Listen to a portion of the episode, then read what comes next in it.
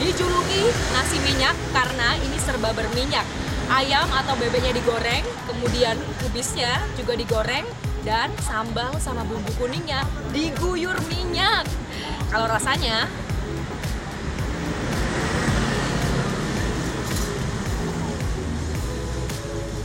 Hmm, dagingnya ini empuk.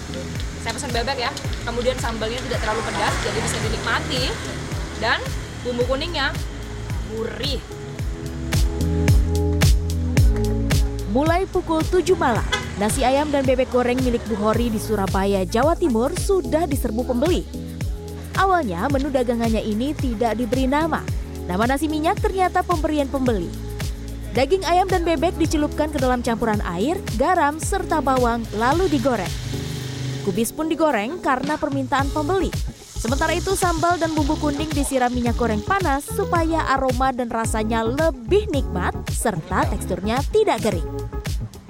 Ya tambah gurih kadang-kadang itu anak-anak ya kalau nggak mau ya nggak apa-apa bumbu tok gitu.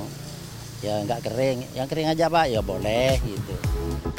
Nasi minyak sudah eksis keliling kampung sekitar di Noyo sejak 2002. Kemudian sekitar 2006 atau 2007, lapaknya menetap di Jalan Mojopahit dan buka hingga pukul setengah dua dini hari. Seporsi nasi ayam dan bebek dijual dengan harga yang sama, Rp20.000. Rasa daging ayamnya enak sih, bumbunya kayak merasuk di dalam daging ayamnya.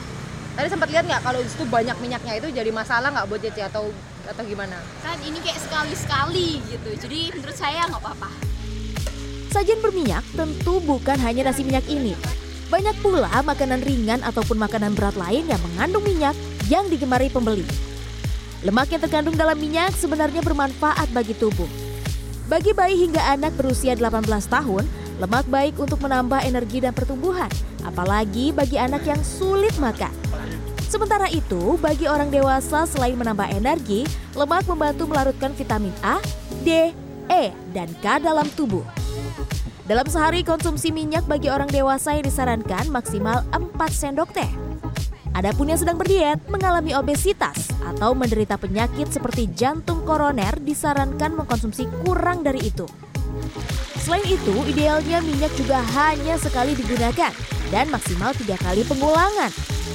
Jika minyak dikonsumsi berlebihan, bisa mengakibatkan obesitas atau penumpukan lemak yang berlebihan, penyumbatan pembuluh darah, penyakit jantung koroner, ataupun kanker. Setiap 1 gram lemak mengandung 9 kalori, sedangkan setiap 1 gram protein dan karbohidrat masing-masing hanya mengandung 4 kalori. Dosen penilaian status gizi Stikes Hang Tuah Surabaya Luki Mundiastuti menyarankan agar mengatur porsi dan keberagaman menu makanan dengan sayur dan buah. Separuh dari piring tadi, dua pertiganya adalah nasinya, ya nasi. Kemudian sepertiga sepa, dari separuh tadi adalah lauk. Kemudian kita pindah ke separuh berikutnya, dua pertiganya adalah sayur. Nah ini ya, jadi komposisi sayur dan nasi tadi harusnya sama. Kemudian sepertiga berikutnya baru buah. Jadi tetap harus diiringi itu.